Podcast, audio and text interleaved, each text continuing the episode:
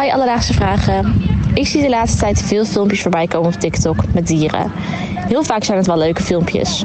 Maar soms vraag ik mij wel af of de dieren het daar wel mee eens zijn. En hoe leuk zij het vinden. Wie controleert dierenleed op de socials? Alledaagse Vragen. NPO Radio 1. BNN Vara. Podcast. Met Merel Wielaert en Aaron de Jong. Dank je, Melin uit Zwolle. Het is uh, een van de populairste groepen op de social media platforms, dieren. Wat weet jij daarvan, uh, Aaron? Want je bent geen dierenfan, maar... nou, ik krijg regelmatig, uh, dan wel via vrienden, dan wel via mijn vriendin... filmpjes te zien van dieren die zij dan heel leuk en schattig vinden. En meestal vind ik dat ook wel een beetje. Maar ik hoef er niet meer dan twee of drie te zien. Nou, als ik er eenmaal in zit, ben ik echt makkelijk een uur bezig, hoor. Ik geloof het dan wel. De schattige katten die struikelen over hun eigen staart. Of de honden die gekke trucjes kennen.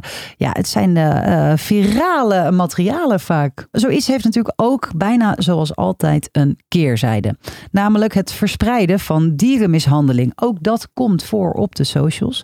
In extreme gevallen gaan er echt filmpjes rond van mensen die hun huisdier fysiek pijn doen.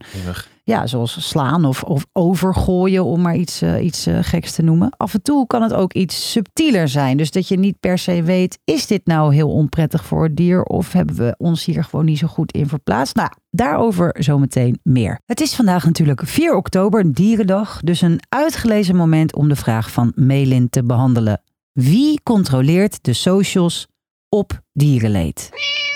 Om te beginnen doen platforms dat voor een gedeelte zelf. Als je de policies erop naslaat van zowel Meta als TikTok, mag dierenleed absoluut niet verspreid worden. En bovendien is dierenmishandeling natuurlijk ook gewoon strafbaar. Uh, er zijn allerlei mensen bezig achter de schermen van deze social media platforms om dit soort filmpjes uh, de hele tijd te filteren eigenlijk, zodat het er ook niet op geplaatst kan worden. Hoe heet het, als je zoiets naar ziet, dan kun je toch ook gewoon rapporteren lijkt me? Zeker, er, er glipt wel eens iets doorheen. En als jij denkt, hé, hey, dit is onprettig of ik weet eigenlijk zeker dat het dier het onprettig vindt, dan kan je altijd op de rapporteren knop drukken en dan uh, gaan zij er naar kijken. Dat lijkt me echt een vreselijke baan trouwens. Och de hel. Er zijn meerdere opties. Ik noemde net even wat platforms zelf doen. Maar je kan natuurlijk ook altijd de politie bellen. Via onder andere 144 kan je bellen als het om dierenmishandeling gaat. En daarover heb ik contact gehad met Anouk Duinker, nationaal specialist bij die dierenpolitie. Hoeveel mensen zijn dat eigenlijk? Hele terechte vraag, Aaron. Daar gaat Anouk je zelf antwoord op geven. In ieder basisteam in Nederland is die taak ook dan weer door politiemensen vertegenwoordigd. Net als dat je overal een wijkagent hebt zitten, heb je ook door heel Nederland mensen zitten die meer gespecialiseerd zijn in dierenmishandeling, verwaarlozing, uh, zedenzaken met dieren. Die mensen zijn extra opgeleid bij de politieacademie. Maar omdat het een basispolitietaak is, is iedere politieman of vrouw in Nederland uh, moet basiskennis hebben over dat onderwerp en er iets mee kunnen. Maar Stel je zit daarop, je houdt je daarmee bezig. Ben je dan ook de hele dag eh, die video's aan het afspeuren? Of? Nee, dat niet per se. Het is niet zo dat er een apart team is wat de hele dag het internet afstruint.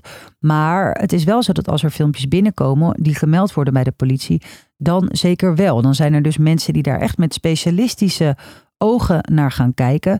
Lukt dat nou binnen de politie zelf niet? Schakelen ze ook nog eens mensen in die daar misschien nog beter inzicht in hebben? Denk bijvoorbeeld aan een, uh, aan een gedragswetenschapper over dieren. Die kunnen soms net wat scherper zien hoe een hond of kat of een ander dier zich echt voelt in datgene wat je ziet op het filmpje. Wat je ook heel vaak in die video's van uh, dieren ziet, moet ik ineens eventjes aan denken. Um, wat ook echt zo populair is, is soms bijvoorbeeld een gek pakje aan te trekken of zoiets. En dan denk ik van, nou, dat vindt dat dier waarschijnlijk niet fijn. Is dat ook al meteen dierenmishandeling? Wordt daar rekening mee gehouden? Of? Ja, daar zouden we dus eigenlijk natuurlijk uh, nog op terugkomen. En wie daar goed iets over kan zeggen, is uh, een woordvoerder van de dierenbescherming, Niels Kookman. Um, en als je bijvoorbeeld kijkt naar, naar dierenpakjes aantrekken, uh, dan zeggen we als dierenbescherming eigenlijk van dat kun je doen op het moment dat het medisch noodzakelijk is. Er zijn bijvoorbeeld dieren die ouder zijn, het wat kouder hebben, ja, die kun je dan een keer een jasje aantrekken. Dat is dan nog, dat heeft dan praktisch zin. Uh, maar als je het puur voor de looks doet, uh, nou ja, dan liever niet. Want dat druist gewoon in tegen nou ja, waar een dier voor staat en, en wat die zou moeten zijn. Nog een belangrijk punt van Niels was ook de verantwoordelijkheid van influencers. Jongens, let op met wat voor ras je koopt. Hè? En als je dat dan de hele tijd laat zien, dan denkt je following misschien wel: oh, wat een toffe hond, die wil ik ook hebben. Terwijl sommige rassen helemaal niet uh, gezond zijn. Je hebt van die hele kleine mopshondjes bijvoorbeeld, met veel te korte neusjes. Ja, dat is eigenlijk zielig voor het beestje zelf. Dus kijk uit waar je reclame voor maakt. Alledaagse vragen. Zowel de politie als de dierenbescherming zijn redelijk goed op de hoogte van wat er op de socials gebeurt rondom dieren. En zeker ook rondom dierenleed. Um, maar ik sprak ook nog even met Niels of er af en toe iets positiefs op die socials gebeurt. Als het gaat over het dierenwelzijn. En dat is zeker het geval. Is dat zo? Ja, zeker. Er zijn ook een soort hypes op de socials die juist heel diervriendelijk zijn. Vertel me meer. En misschien zelfs stimulerend zijn. Ik ben heel benieuwd. Daar komt hij een trend op Instagram en dat heet hamsterscaping. Dat zijn mensen die een zo mooi en natuurlijk mogelijk verblijf voor een hamster willen maken. En nou ja, dat is op lange termijn ook goed voor dierenwelzijn natuurlijk. Want ja, je, je doet het voor de likes en omdat het er mooi uitziet. Maar zo'n hamster komt in een verblijf terecht waarvan je denkt, jeetje, dit is fantastisch. Hamsterscaping. Heb je ook uh, dogscaping of uh, nou, catscaping? Zet de trend zou ik zeggen, Aaron. Hashtag catscaping. Dus Melin, wie controleert de socials op dierenleed? Nou, over het algemeen het platform in eerste instantie zelf. Maar ook jij als gebruiker kan er melding van maken. Wanneer je een filmpje ziet waarvan jij denkt: oeh, dit kan niet helemaal door de beugel, kan je altijd rapporteren. En wanneer je je echt zorgen maakt over wat je ziet, kan je altijd bellen met 144. Heb jij nou ook een alledaagse vraag? Slide dan in onze DM Alledaagse Vragen of stuur een mailtje naar alledaagsevragen.radio1.nl Alledaagse Vragen.